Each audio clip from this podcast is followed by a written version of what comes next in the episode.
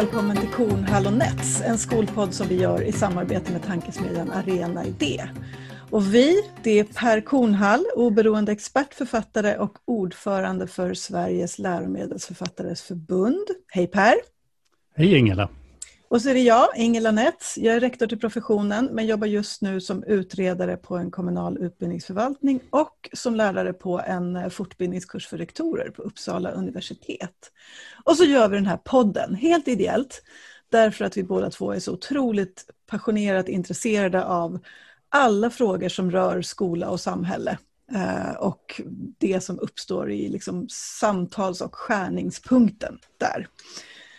Och vi har förstås en gäst med oss, det har vi ju alltid och det är så oerhört spännande att få presentera en person som jag, jag skulle säga är hela Sveriges go-to-person när det handlar om undervisning, bedömning, organisation, kartläggning och så vidare när det gäller nyanlända elever och svenska som andra språk.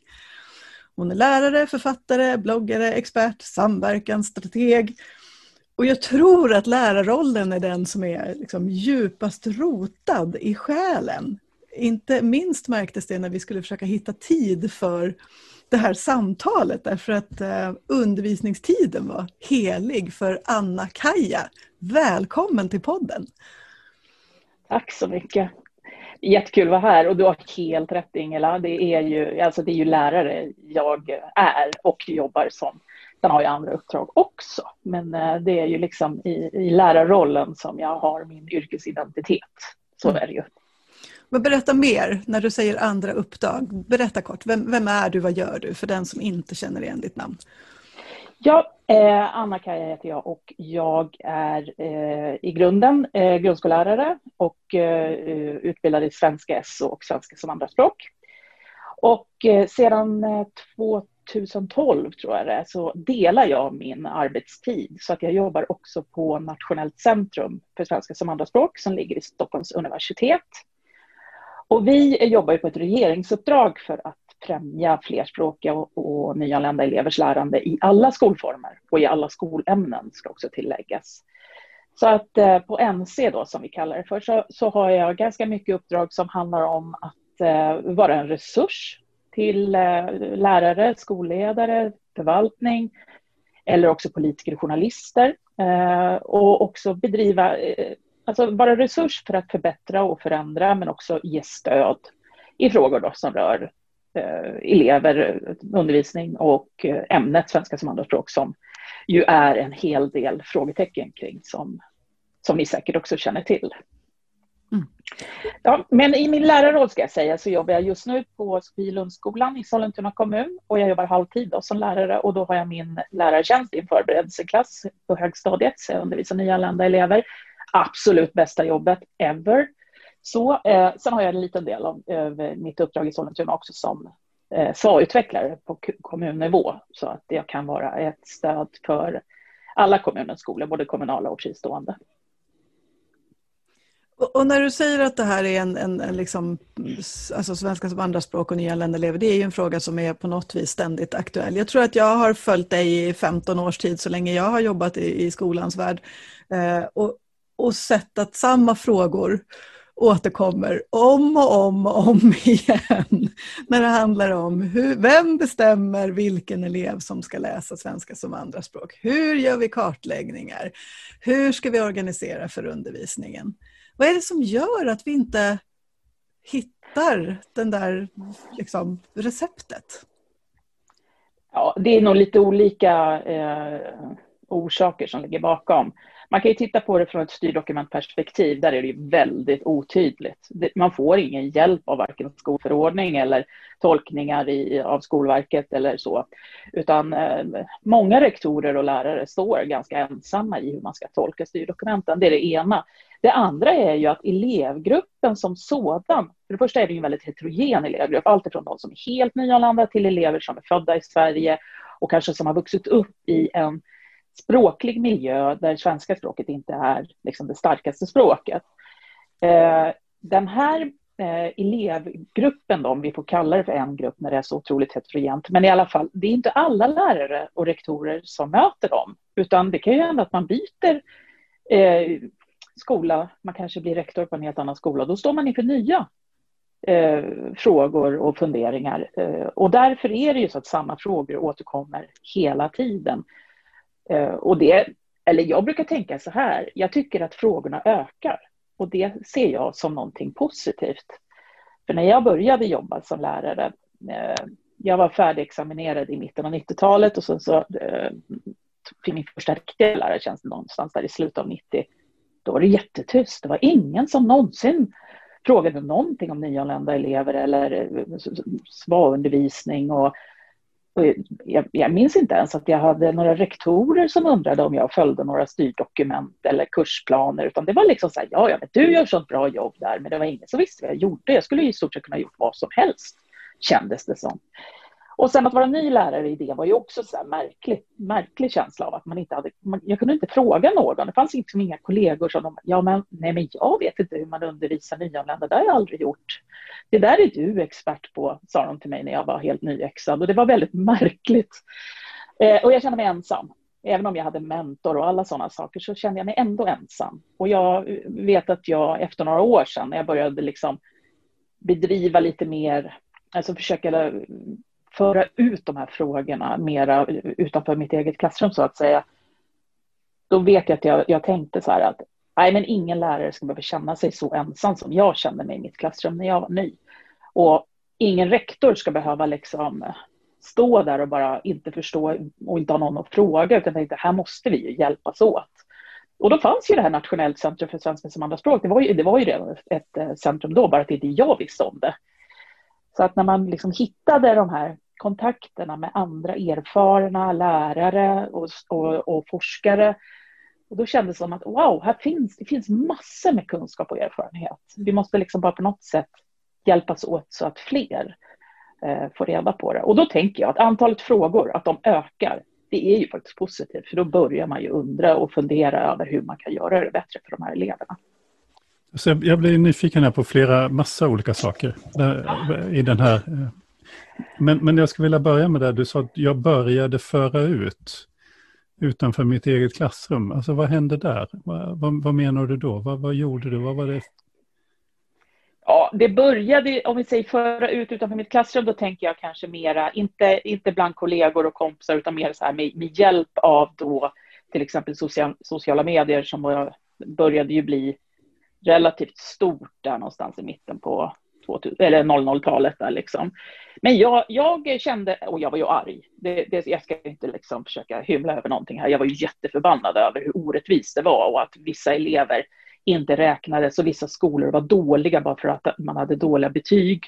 Alltså meritvärde på skolorna var, var, var, var, var liksom sämre än andra skolor. Och man tittade liksom inte bakom statistiken. Och jag, jag liksom kände inte igen, om vi säger jag jobbar på skolor runt eh, norra och södra Järvafältet, alltså som är väldigt segregerade förorter i Stockholm. Jag kände inte igen skolan som man beskrev i, i Dagens Nyheter liksom, och andra tidningar där det var liksom svartmålning av eh, rinkerna i de här förorterna. Eh, skolorna i, i, och ja, då tänkte jag, nej men så här kan vi inte ha det. Men nu måste vi liksom prata om vilka elever det är som gömmer sig bakom siffrorna här och att man faktiskt inte har likvärdiga villkor att nå godkända betyg om man till mm. exempel har kommit till skolan när man är 13 år och aldrig gått i skola innan. Då är det inte så konstigt att man inte når godkända betyg i nian. Så jag började blogga. Mm. Det var så jag började. Sen så, och på den tiden, det, var, det, var, det fanns ju skolbloggare, men det var inte många. Så, så det blev liksom som ett litet, ja, jag ska säga ett litet eh, en liten bubbla där kan man väl säga då, med skol, skolfolk. Eh, och så var ju liksom människor som söker på nätet, då hamnar man ju på bloggar och helt plötsligt så, ja det ena ledde med det andra och sen så blev det, Twitter växte och blev stort och då, då var det ytterligare en plattform där man fick kontakter och då kunde man helt plötsligt nå beslutsfattare på ett helt annat sätt. Och prata med lokalpolitiker och Eh, även rikspol eller på nationell nivå också förstås, även om det var, det var lite svårare då tycker jag än det är nu. De är mera tillgängliga nu tycker jag nästan. Jag vet inte om ni håller med. Men eh, ja, så var det, att det, liksom det här med att föra ut. Mm. Eh, det var väl så det började i alla fall, att jag ville jag ville att fler skulle ta och prata om mina frågor som var aktuella för mig helt enkelt mm. och mina elever. En annan följdfråga är ju också det att vi pratar mer om det nu. Alltså jag kan ju tycka att på något vis hela flyktingkrisen då, 2005, med alla Syrien, på något vis satte strålkastarljuset på de svagheter som redan fanns. För jag menar, du, du säger ju fortfarande, du kan tycka att regleringen är, eller det finns inte mycket ledning att hitta i styrdokumenten, men, men innan, innan flykting, den stora flyktingkrisen så fanns det ju absolut ingenting. Alltså, det var ju verkligen ett vakuum och, och den här krisen satte något sorts sökarljuset på det och det kom till vissa förändringar och så. Jag vet inte om du delar den bilden. Jo, det gör jag. Eh, nu ska man väl i ärlighetens namn säga att förändringarna faktiskt eh, var på plats innan 15, för att man ändrade i skollagen redan 2013 faktiskt. Eh, men, men det är självklart att 2015, den hösten, och även 2016 efteråt, det satte ju verkligen ljuset på eh, vad vi behöver göra kring, kring eh, nyanlända elever i svensk skola. Och då måste jag bara passa på att säga det att alltså, samtidigt som den här jättestora flyktingkrisen, eh, eller krisen, jag vet inte vad vi ska kalla det för, men flyktingvågen eh, drog in över Sverige så, så var det ju också nya regleringar kring nyanlända elever som skulle iscensättas och implementeras. Till exempel den obligatoriska kartläggningen av nyanlända elevers eh, kunskaper. Och det här, det här var ett jättestort problem för Sveriges kommuner, speciellt de kommunerna som inte hade stor erfarenhet av att ta emot nyanlända. Och jag vill bara säga det att jag, jag var djupt imponerad över hur man ändå liksom levlade upp och levererade och gjorde allt vad man kunde, trots att man inte hade egentligen heller klassrum till de här eleverna alltid. Och ändå så, så, så liksom kunde man på något sätt börja implementera den här obligatoriska kartläggningen som vi vet är jätteviktig. Oerhört viktig för att de här eleverna ska få den utbildning på den nivå som de, som de eh, behöver. Eh, och det var rätt häftigt faktiskt. I allt detta, alla höll på att jobba ihjäl sig på alla håll och kanter, så, så var det ändå, det gick över förväntan. Och det var många lärare, som var, och rektorer också tror jag, som var tacksamma för att det faktiskt, att man fick, fick de här förordningarna, nya lagen på plats, även om man inte kunde implementera fullt ut. Så, så det, var, det var verkligen bra att man orkade gasa igenom det här, det här jobbiga läget. Liksom. Mm.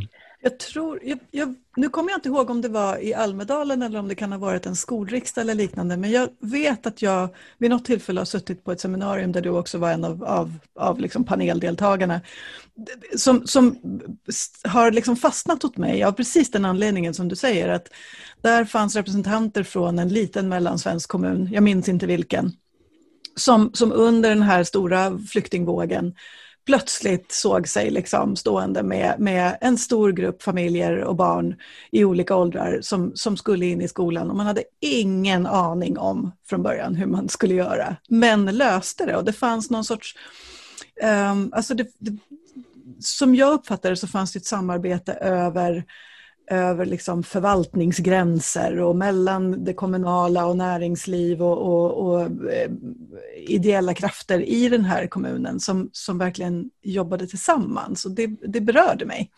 Mm. Men för, för mig, som, som, om man försöker betrakta lite utifrån, stämmer bilden att, att före 2015 så var, var andra språks och nyanlända elevers eh, lärande eh, koncentrerat till liksom, storstädernas miljonprogramsområden. Och efter 2015-16 så blev det här en, en, fråga som faktiskt berör hela Sverige. Eller är det en, är det en förenkling? Ja, ja, det är lite förenkling skulle jag säga. Att det är, eh, viss, viss del eh, stämmer det. Eh, för det var ju väldigt många kommuner, alltså mindre kommuner i Sverige som tog emot väldigt många flyktingar under 2015 och 2016. Eh, det är klart att de kommunerna, där, där, blev det ju enormt stor skillnad. Där kunde de ha 50 procent av eleverna i en skola som var nyanlända till exempel. Det, det blir ju enorma utmaningar. Men, men det fanns ju faktiskt nyanlända i vissa andra delar av Sverige innan också. Det är bara att man lyfter fram gärna eh, alltså de problematiska, det är det man ser i media liksom. Eh, men sen det som vi var inne på tidigare, det har, det har ju liksom varit en, en, en icke-nyhet. Man har inte man har inte undersökt så mycket om hur det går för de här eleverna. Eller, det, det, har varit en del rapporter från Skolverket, kanske Skolinspektionen, men det är ju inte så att det har varit på någon form av eh, riksintresse. Utan man har tänkt att ja, ja, alla lär sig svenska så småningom. Det behövs inte speciellt för det, liksom, utan det är bara låt tiden gå. Lite så tror jag att man har tänkt. Eh, och sen har ju, om man bara ska säga de som har, har burit det här, den frågan och ansvaret, det är ju individuella individer, alltså svallärare oftast på skolor och eh, kanske en och annan rektor som har erfarenhet. Och liksom, de, då har det blivit som eldsjälar istället. Och det, så kan vi inte heller bygga skola.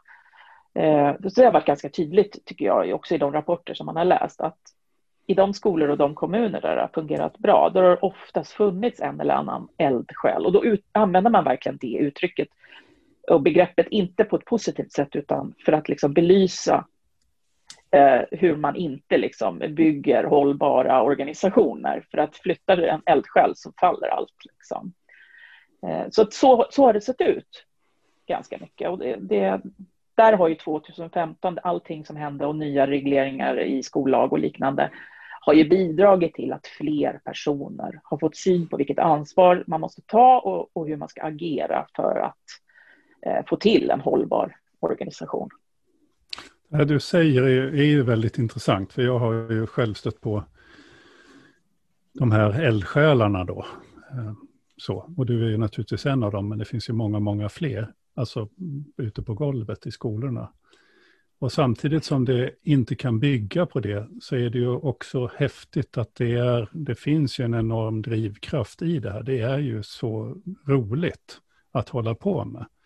Alltså det är ju väldigt centralt i skolans uppdrag att, att vi ska hjälpa. Alltså det är ju hela skolans... Eh, varför vi har skola är ju för att människor ska lära sig språk, ska lära sig mm, grunderna i samhället och så vidare. Och det blir på något vis koncentrerat då när man ska undervisa någon människa som inte kan undervisningsspråket eh, i första läget och så vidare. Men det, alltså, det finns en enorm drivkraft där ute.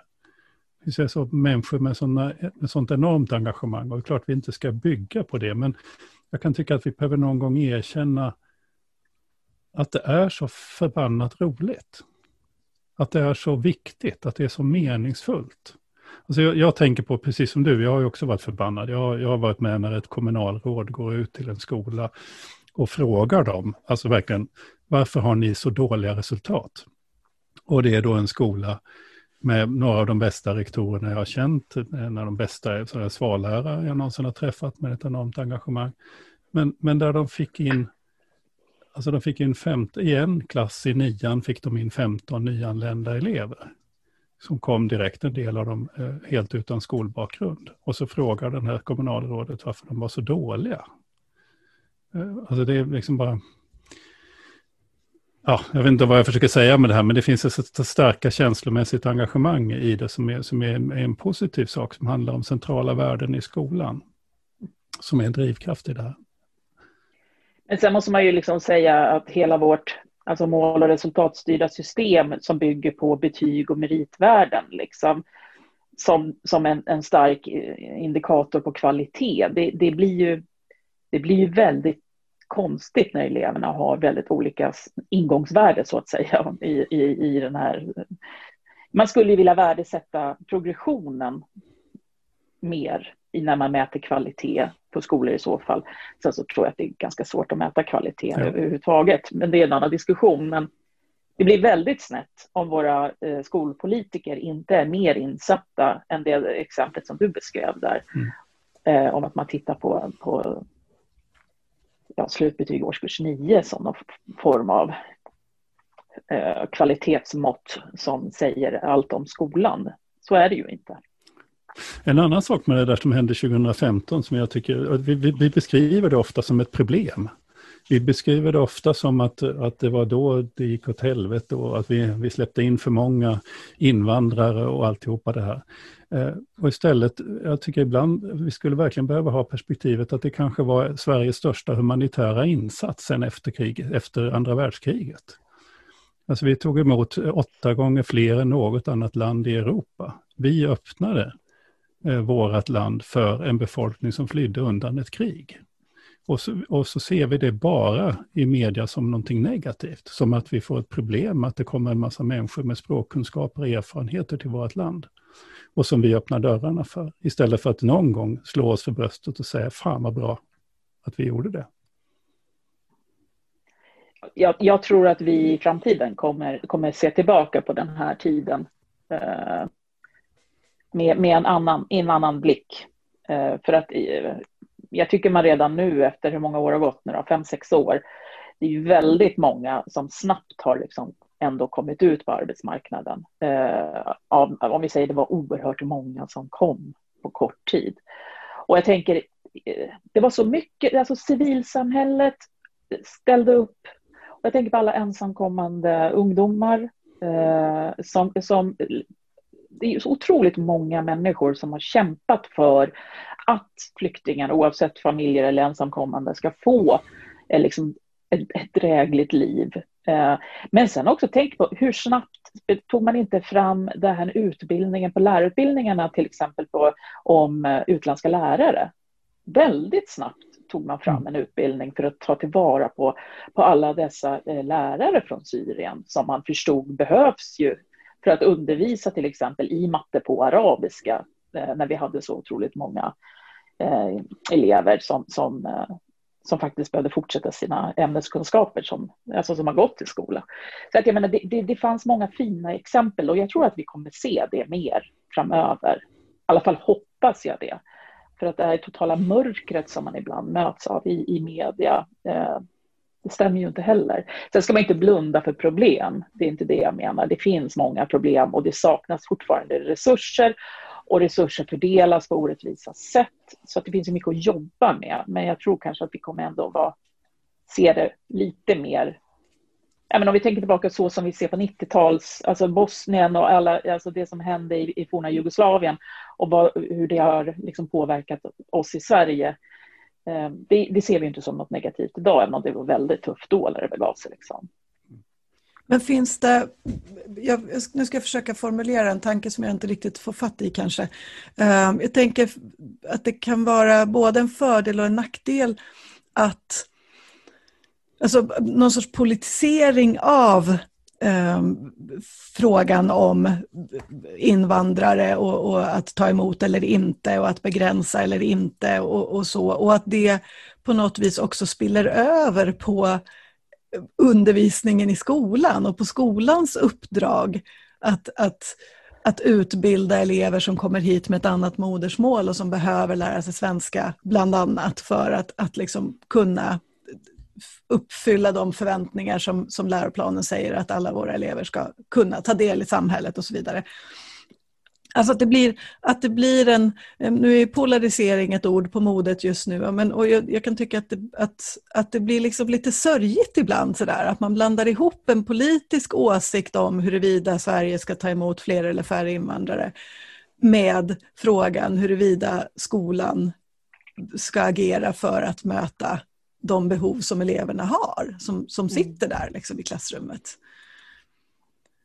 Och jag tänker som lärare i den eh, debatten så att säga, så det är ganska skönt att kunna vara lärare just och inte behöva liksom, titta på de här alltså, stora penseldragen kring invandringspolitik för att även alltså, tycka och tänka hur man vill, så om man tänker vad, vad hände då i skolan? Så nu tänker vi skolan som en helhet, fast det finns så många olika. Men 2015 när det kom så enormt många flyktingar till svensk skola, väldigt många barn och unga kom, eh, så, så, bidrog ju det till att inte bara liksom svallärarna visste att det här behöver vi jobba med, utan varenda lärare som mötte nyanlända elever fick liksom känna och tänka så här, ja men jag måste nog förändra min undervisning lite för att, för att mina elever ska förstå vad jag säger, för att de ska förstå ämnesinnehållet, för att de ska förstå texterna vi använder och för att de ska kunna uttrycka sina kunskaper även om de ännu inte har ett starkt svenskt språk. Det här är ju liksom, det är ju inga enkla frågor, men det gör ju att man utvecklas som lärare i sin alltså i sin didaktik och sin metodik, att man måste reflektera över hur man tillgängliggör sin undervisning när man har elever som inte helt fullt ut förstår det svenska språket. Och det tänker jag jag, jag tänkte på det här senast igår när jag läste eh, PM, ni vet ökad likvärdighet, i, eller eh, ökad kvalitet i lärarutbildningarna, eh, förslagen som kom häromdagen. Alltså det här vet vi nu. Sedan 2015 så är det väldigt många lärare som har gått fortbildningskurser via Skolverket. Det är lär, lärarlyftskurser och det är uppdragsutbildningar via lärosäten för att undervisa elever som inte har undervisningsspråket svenska som sitt starka språk. Ändå så föreslår man ingenting av detta i den här ökade kvaliteten för lärarutbildningen. Det är också intressant tycker jag hur man liksom har missat sex år av kompetensutveckling. Alla har gått en kunskap, eller ni vet, språk och kunskapsutvecklande arbetssätt och det är läslyft och drevna för att man ska liksom kunna undervisa flerspråkiga elever. Tycker att det är anmärkningsvärt att man inte också lyfter in det som något form av examensmål för lärarutbildningarna. När lärarstudenterna uppenbarligen frågar efter den här kunskapen. Det är ju inte bara SA-lärare liksom, som måste undervisa flerspråkiga nyanlända elever. De har ju undervisning i alla ämnen som alla andra elever. Nej, och det visar väl någonting om hur politik bedrivs. För jag tror att både du, vi, ja, vi är väl kanske medvetna om att den skrivningen, om, det stod ju att kognitionsvetenskap ska in på lärarutbildningarna. Och, och, och jag menar, det är ju inte, det är nog ingen långt sökt gissning att en av anledningarna till att just det står beror på att Isak Slogstad, som vi hade den här bloggen med tillsammans, nu sitter på Liberalernas partikansli och skriver, för det här är en fråga han har drivit länge. Eh, så det handlar ju inte om att man, eh, som så ofta i politik och i svensk politik, att, att vi inte egentligen utreder vilka förändringar vi behöver, utan vi inför de förändringar som blir hörs och som blir tongivande mm. någonstans i, i någon politisk diskurs. Då. Men tillbaka till det, för jag tycker det var skitintressant att du kommenterade just den här lärarutbildningsfrågan.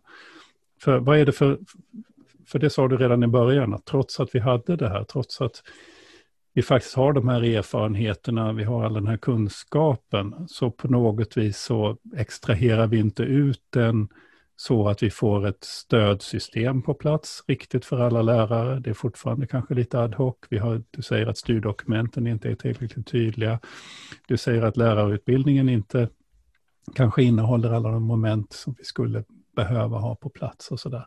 Vad är de här vad ska vi göra åt det? Alltså, om du var skolminister och hade en, en, en, en, eh, en riksdag, majoritet bakom dig, så du kan faktiskt genomföra. Vad, vad skulle vara dina första liksom, tre, fyra, fem, sex, tio första liksom, förslag du skulle lägga fram på bordet efter noggrann utredning och allt sånt såklart. Men vad är, vad är önskelistan? Ja, alltså, alltså, min önskelista eh, är ju på, på sätt och vis redan påbörjad, ska jag ju liksom ärlighetens namn säga. Vi på NC har ju under många år eh, efterfrågat en utredning av våra svenskämnen i, i alla skolformer. För det är ju, alltså, hur många stödmaterial ska Skolverket ta fram? Hur många liksom, kilometer böcker ska lärare behöva läsa för att kunna göra sitt jobb? Det, det har ju blivit liksom fel. Någonstans är det ju fel när, när vi liksom, eh, när, när, utbildade och erfarna lärare måste vända sig till, till bedömningsstöd och liksom kommentarmaterial, allmänna råd och sådana här saker för att kunna göra sitt jobb. Eh, och när det gäller ämnet svenska som andraspråk så tror inte jag att det går att lösa med fler stödmaterial. Jag tror inte det. För att har jag svarat på de här frågorna i, i inte vet jag, 15 års tid och de fortfarande ställs, då är det ju, tänker jag, något annat som är fel. Det är ju inte liksom att informationen eh, inte nås fram. Det är något i systemet som måste ändras. Så därför tycker jag att eh, det är bra nu då att, att eh, regeringen har gett Skolverket i uppdrag att göra en översyn av ämnet svenska och svenska som andraspråk i alla skolformer. Eh, sen så tror jag att Skolverket, alltså jag vet inte, egentligen hade jag önskat att det vore en, en, en, liksom en statlig utredning. Eh, men eh, nu är det en översyn på Skolverket. Men det är i alla fall ett steg, för någonstans måste vi förändra så att, så att svenska som andraspråk inte antingen blir så det här stödämnet som ingen vet riktigt hur man ska eh, vilka elever som ska ha det, hur gör man bedömningarna? Det är behovsprövat i grundskolan, valfritt på gymnasiet. Det är jättemärkligt. Och på, i vuxenutbildningen har man ju SFI som är liksom är man ny i Sverige och inte kan svenska, då läser man liksom enligt kursplanen för SFI för att lära sig grunderna i svenska språket. Vi har inget sånt motsvarande för barn eh, och unga i grundskolan. Men i gymnasiet har man språkintroduktion där man kan få lära sig grunderna i svenska, men de har ingen kursplan. Alltså det är så många saker som inte fungerar. Så att man måste liksom vända på varenda sten och försöka göra det lite bättre. Och då vill inte jag, eller jag kan inte heller för den delen, säga så här borde det se ut. För att jag har inte heller hela bilden klar för mig. Jag vet inte hur, om man förändrar i grundskolan så får det följdeffekter både på gymnasiet, för vuxenutbildningen och lärarutbildningarna.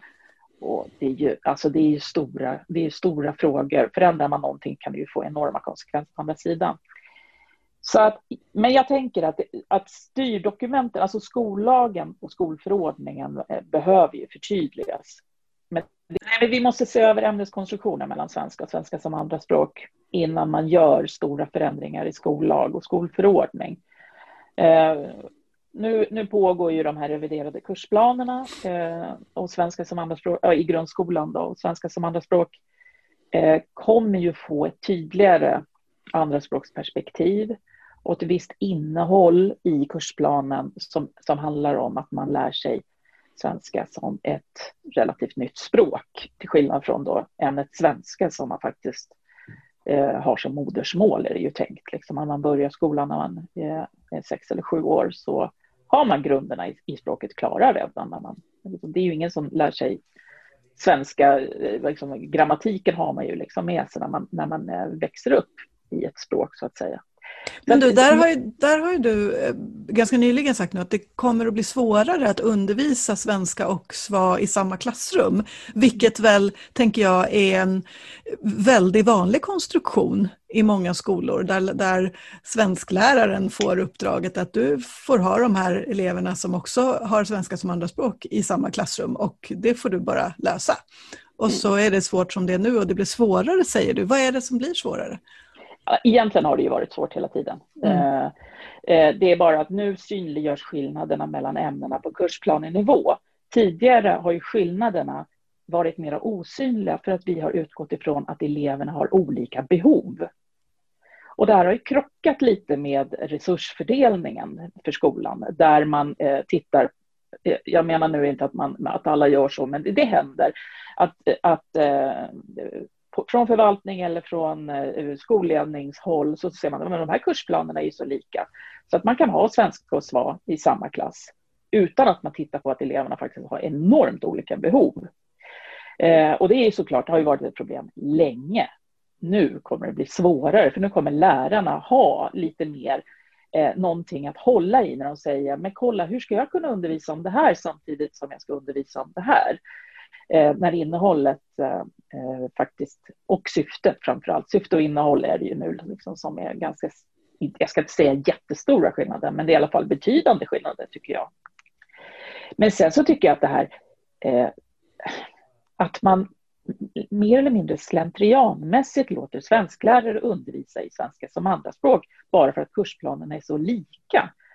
Eh, det är ju liksom det är ju väldigt det är märkligt. Jag vet att det är ekonomi som ligger bakom.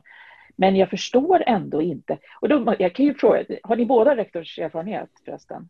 Eh, jag har bara undervisat rektorer. Ja, du har bara undervisat rektorer. Nej, men är, jag brukar fråga så här, som Ingela, nu ska jag säga. Hur ofta när du uh, var rektor och så här, hur ofta lät du en, en uh, lärare undervisa i matte och fysik samtidigt på ena ämnets kursplan?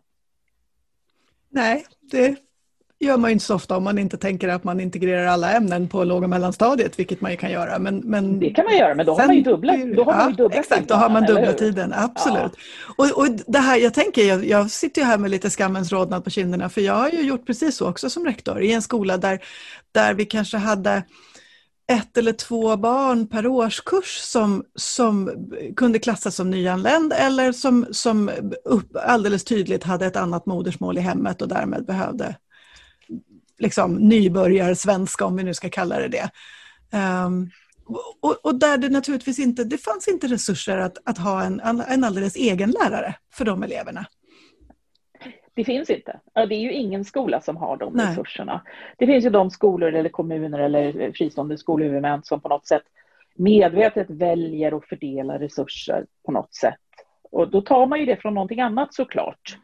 Eh, för att, och jag tycker att hela det här eh, resursfördelningssystemet blir väldigt orättvist när det gäller just svenska som andraspråk med tanke på elevpeng. Alltså man får ju oftast eh, anslag eller liknande på elev, eh, på individnivå. Och så att om man då har, låt säga 30 elever i, i en skola, väldigt, alltså litet antal elever som har behov av svenska som andraspråk, så får man motsvarande elevpeng, så det kanske räcker till ja, nästan en lärartjänst, då säger vi. Men de där 30 eleverna, de går ju inte i, liksom, i, i, i, samma årskurs eller i samma klasser. De kanske går två eller en i varje klass. Så då har du en lärare i svenska som andraspråk som ska undervisa i sex årskurser, 12 klasser. Och elever som dessutom har helt olika både skolbakgrund ja, ja. och annan språklig bakgrund. Så. Och det går inte att gruppera, det går inte att lägga ihop alla. Du kan inte ha ettor och sexor i samma grupp. Liksom. Och du kan inte ha de som inte kan läsa och skriva tillsammans med de som har gedigen skolbakgrund. Det, här, det, det, finns ingen rektor i världen som kan få de här resurserna för de här 30 eleverna att fördelas på ett rättvist sätt. Så man måste ju, alltså hela resurs, resursfördelningssystemet måste ju göras om så att man kan få ett anslag på årskursnivå eller på klassnivå. Det måste i alla fall vara på gruppnivå. För att man kan inte bygga en hållbar organisation som rektor på att man har eh, en, en, en elev i varje klass som får lite extra pengar. Liksom. Det, det, är ett väldigt märkligt system och jag blev väldigt besviken faktiskt att de inte tog upp det här i, eh, i likvärdighetsutredningen. Ehm, jag tänker att de hade borde, eller de skulle kunna problematisera eh, det här med resursfördelningen i relation till svenska som andraspråk eh, eftersom man måste ha anslag på gruppnivå för att kunna eh, organisera eh, svenska och svenska som andraspråk. Vi vet att det är två lärarsystem som behövs.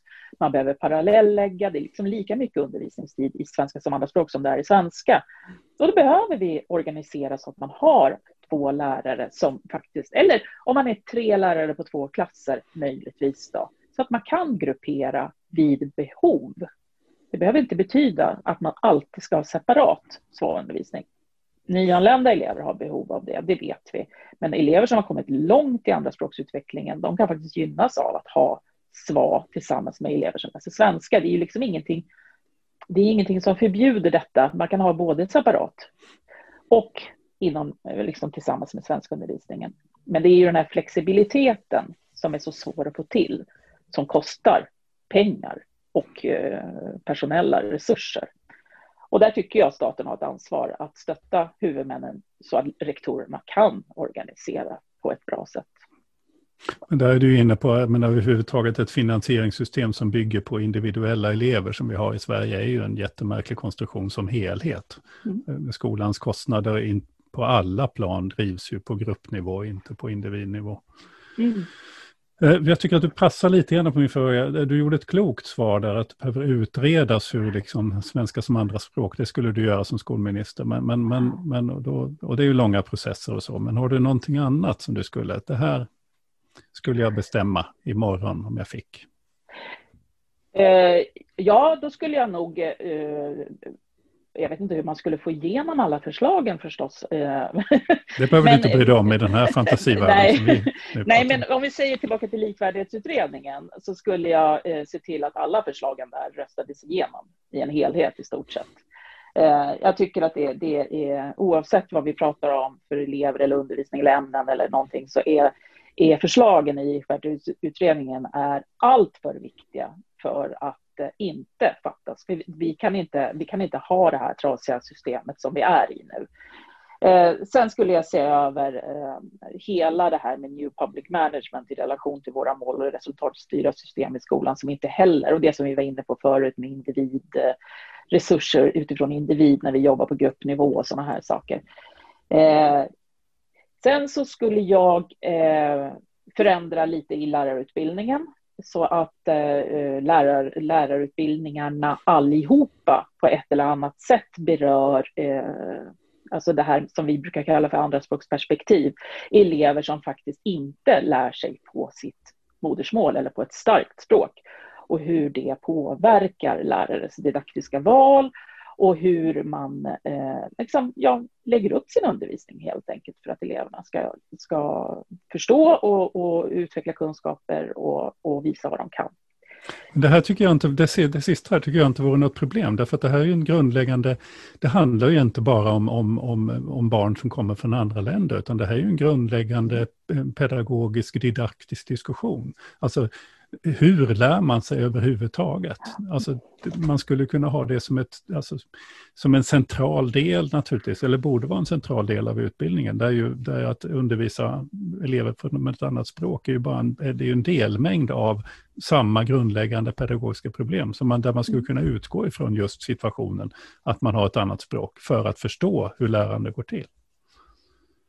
Ja, jag håller med. Jag tycker inte alls att det vore något omöjligt. Ändå så verkar det vara väldigt svårt Eh, sen vet vi att det är ju svårt att få in saker i lärarutbildningen och det är ju stoffträngsel där eh, utifrån hur många som vill ha in sina idéer och tankar och, och så. Eh, men för mig som verkar i den värld där jag verkar så är det ju osannolikt dumt om man inte får lära sig mer om andraspråksutveckling, hur man lär ett språk, ett andra språk och hur man lär kunskap på ett andra språk. Med tanke på att det är i alla fall 25 procent av eleverna som har utländsk bakgrund. Så att flerspråkighetsaspekter oavsett eh, behöver ju alla lärare ha kunskap om. Eh, hur det påverkar inlärningsprocess att vara flerspråkig och hur man kan dra nytta av flerspråkighet som resurs i det. Precis. Det, det, det tycker jag är en, det är en annan sak som är intressant. Jag har en sån där liten twist i huvudet det finns en massa internationella klasser och skolor i Sverige, alltså som kallar sig för det. Det innebär ju oftast att, att barn ska lära sig på engelska, på ett andra språk. Alltså man för in engelska som undervisningsspråk och så kallar man det här för internationella skolan eller internationella mm. klassen och så vidare. Och samtidigt så har vi alla de här verkligt internationella klasserna runt om i, i Sverige och där ser man andra språksinlärning som ett problematik. Eh, alltså vad håller vi på med? så. Ja, vad håller vi på med? Ja, den diskussionen vet, kring. och vet de, vet de här som då undervisar i engelska, eh, är de insatta i en andra språksinlärningsproblematik? För det borde ju de vara, eller hur? Ja. ja, det borde de vara. Jag har faktiskt ingen aning om de är det, men eh, jag tror väl vi vet att det inte är så eh, gynnsamt att eh, eh, lära sig ämneskunskaper på engelska om man inte har engelska som ett starkt språk. Likväl som vi vet att det är jättesvårt för våra eh, elever med annat modersmål än svenska att lära sig ämneskunskaper på svenska. Så att det här är ju liksom inga nyheter. Ändå så, så är det ena väldigt positivt och det andra väldigt negativt. Det är ju intressant, det är det ju.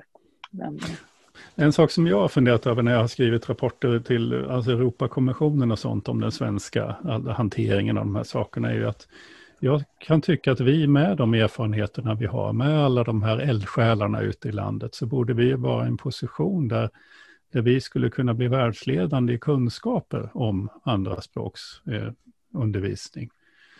Eh, men att vi saknar systematiken för att fånga in alla de här kunskaperna. Jag skulle kunna tänka mig att det nationella centret skulle kunna till exempel kunna ha bra många mer, fler miljoner och, och bra många fler forskningsprojekt skulle kunna vara inriktade på det här och vi skulle verkligen kunna bli världsledande i det.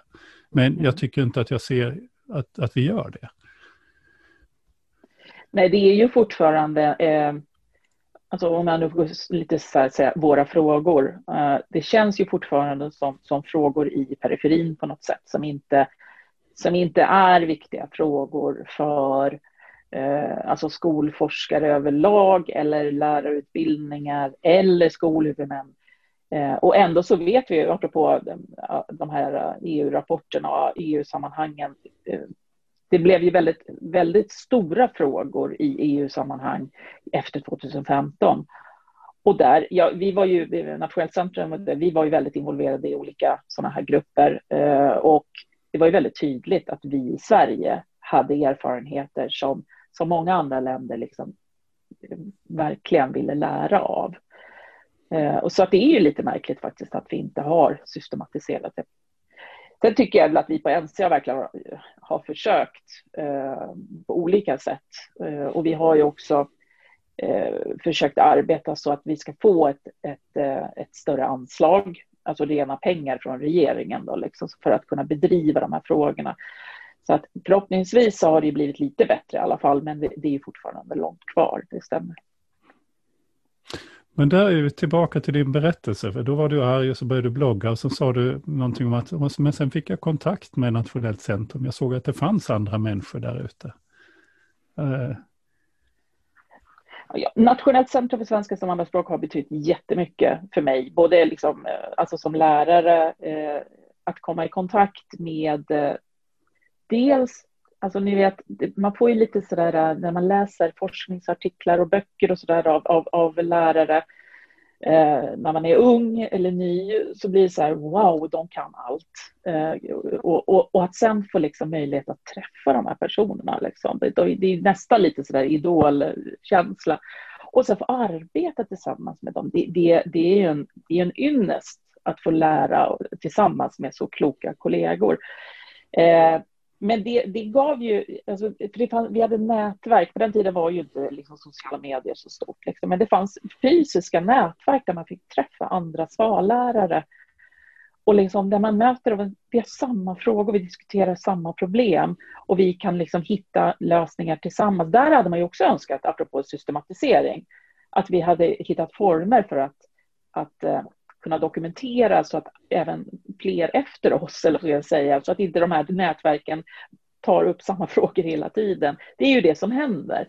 Men jag tror ändå att vi kanske allihopa måste gå igenom en viss process. Man kan inte bara lära av någon annan rakt av, utan man måste liksom tänka tillsammans och diskutera för att förutsättningar ser olika ut på olika skolor i olika klassrum. Eh, elever har olika behov, så att vissa saker går säkert att systematisera, men andra behöver man på något sätt leva sig in i en utveckling så att säga. Jag vet inte hur jag ska uttrycka det, det blir lite mm. flummigt. Men, men MC har ju varit oerhört viktig för många lärare ute i landet. Eh, vi har ju väldigt många kompetensutvecklingsinsatser också haft i, under många år där vi kanske har utbildat eh, ibland eh, hela skolor, ibland faktiskt hela kommuner, eh, alla verksamma lärare och skolledare i alla skolformer till och med i en del kommuner. Så att Eh, Eh, vi, vi, vet ju att NC gör stor skillnad och har, liksom, betyder mycket för många eh, verksamma, eh, skolverksamma där ute i landet. Men ändå så tänker man ju där, kan vi, hur kan vi göra det här ännu bättre? Vi är ändå ett ganska litet centra. Vi, eh, vi är inte jättemånga, så vi kan ju liksom inte vara överallt. Så att vi måste ju på något sätt ändå använda ja, webb och sociala medier och, och påverkansarbete och samverkansarbete med olika aktörer eh, för att få till förändringar. Så att, eh, för mig har det betytt oerhört mycket. Eh, alltså NC har betytt, och jag tror att det har betytt det för många. Mm. Ja, vi, vi, vi är tillbaka lite grann i där också, där Per var inne på det i, i början av samtalet, när vi just det här, alltså att det är så roligt att undervisa elever i just svenska som andraspråk överhuvudtaget. Att, att, att lära barn ett nytt språk och att, att de liksom på något vis tar till sig och kan börja uttrycka saker på ett nytt språk. Vad, vad är, vad är för, för jag tycker att man möter det när man pratar med många lärare som jobbar just med svenska som andraspråk, den här oerhörda passionen som Per, per nämnde också. Vad, vad är det, du är ju där, vad, vad är det som är det där liksom, guldet i, i just ämnet svenska som andraspråk? För det första så är eleverna i stort sett alltid motiverade. Alltså alla elever, de är, de är så glada över att få gå i skolan. Oavsett om de liksom kommer direkt från en internationell skola i något eh, land där det liksom, det behöver inte vara flyktingar. Liksom. Men alla kommer in med nyfiken blick och så här, ja, här ska jag lära mig saker. Och alla vill lära sig svenska språket så fort som möjligt. Det är, liksom, det är inte alla lärare som, som möter liksom idel motiverade elever. Men ska man generalisera så gör man liksom i, i, i det jobbet jag har så möter jag nästan alltid motiverade elever. Och det ger så mycket. Men sen också eh, om man tänker visst, de här eleverna, de kan inte svenska språket. Nej, det, det, de är nyanlända, de, de, de har kanske lärt sig säga ett, några ord på svenska.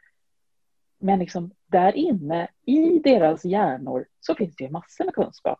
De har ju massor med erfarenheter. De kan och, och, och har alltså kunskaper som jag inte har en aning om, för att jag kan inte ta reda på det. Jag kan göra en viss kartläggning, eh, visst, tillsammans med tolk eller studiehandledare. Men det finns så mycket där inne som jag vill liksom, ta reda på. Och när de märker att jag faktiskt är nyfiken på, inte vad de inte kan, för vi vet ju liksom att de inte kan svenska, men att man i undervisningen ständigt försöker ta reda på och använda elevernas liksom tidigare kunskaper och deras språk som resurs, då blir ju de ännu mer motiverade av att vilja lära sig nytt, så att säga. Så att det, det, det är ett sånt intressant liksom växelspel, att man kan kommunicera med varandra trots att vi inte har ett gemensamt språk. Och ändå liksom kunna undervisa och lära ut saker fastän de inte kan svenska. Det, det, det, är, det är utmanande, ja, men det ger så otroligt mycket och det är jätteroligt. Det är fantastiskt. Nu har ju du, Anna, istället, nu har ju du blivit den där som folk tittar, ser upp till, den här hjälten som, som så. Det, det är ju du nu då. Och du har fått mängder med priser. Jag, jag, jag läste på nu lite grann inför intervjun och ser att du har fått det ena priset efter det andra. Ja, det ena finare än det andra och så vidare. Hur känns det? Har du, har du fått en plattform eh, eller hindrar det dig eller har du blivit, är du fortfarande arg? Vad, vad är... um, jag är fortfarande uh, inte arg, men jag, jag, är väldigt frustrerad över att det ändå, om det har hänt så mycket så tycker jag ju ändå att det går väldigt långsamt. Uh, så. Uh, sen försöker jag använda min plattform på lite olika sätt. Dels så tycker jag att det är mitt ansvar att försöka bidra till att vi förändrar och förbättrar.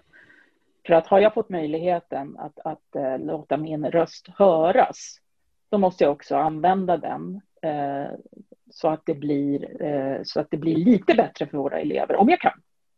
Det andra är att jag vill använda min, min plattform, det låter ju jättemärkligt, men, men, men den rollen som jag har idag, jag vill använda den för att ge lärare och rektorer, framförallt lärare och rektorer, stöd i arbetet.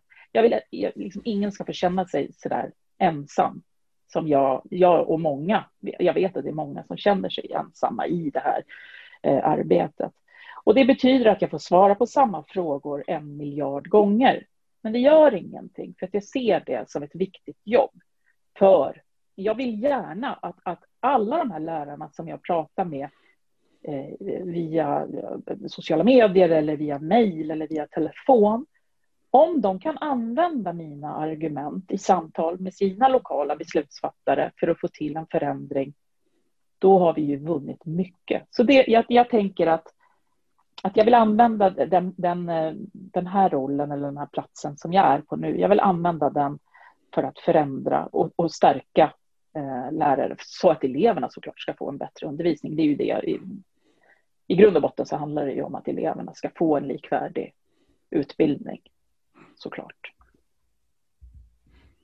Det där var väl en, eh, en perfekt eh, summering av det här samtalet, tänker jag. Att, att det handlar om att alla elever i svenska skolan ska få samma möjligheter, likvärdig mm. chans att, att bli medborgare som kan ta eh, ta del i samhället i ansvarig frihet. Precis så.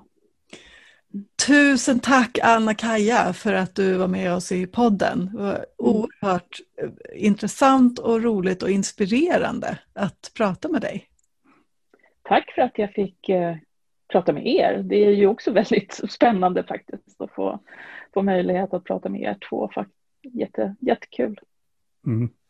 Nej, men tusen, tusen tack. Jag är så glad att vi, vi eh, det ska ni som lyssnar veta att vi gjorde många försök att hitta en tid eh, när, när Anna inte undervisade. så, så, så det är upptaget. Så tusen tack, det var jätte, ja, har ju följt dig under många år och är imponerad och väldigt, skulle jag säga tacksam för det jobb som du har lagt ner och den röst du har varit under så många år. Jag hoppas du fortsätter. Ja, detsamma gäller ju er två såklart. Tusen ja. tack för ert arbete och för den här podden också för den delen. Så, nu har vi kliat varandra på ryggen. ja, det har vi. Så det räcker att bli Tusen över. tack. Ja, det är bra. Ha det så bra nu. Vi hörs säkert i något annat sammanhang. Ja, det. Tack. Hej. Hej då. Hej.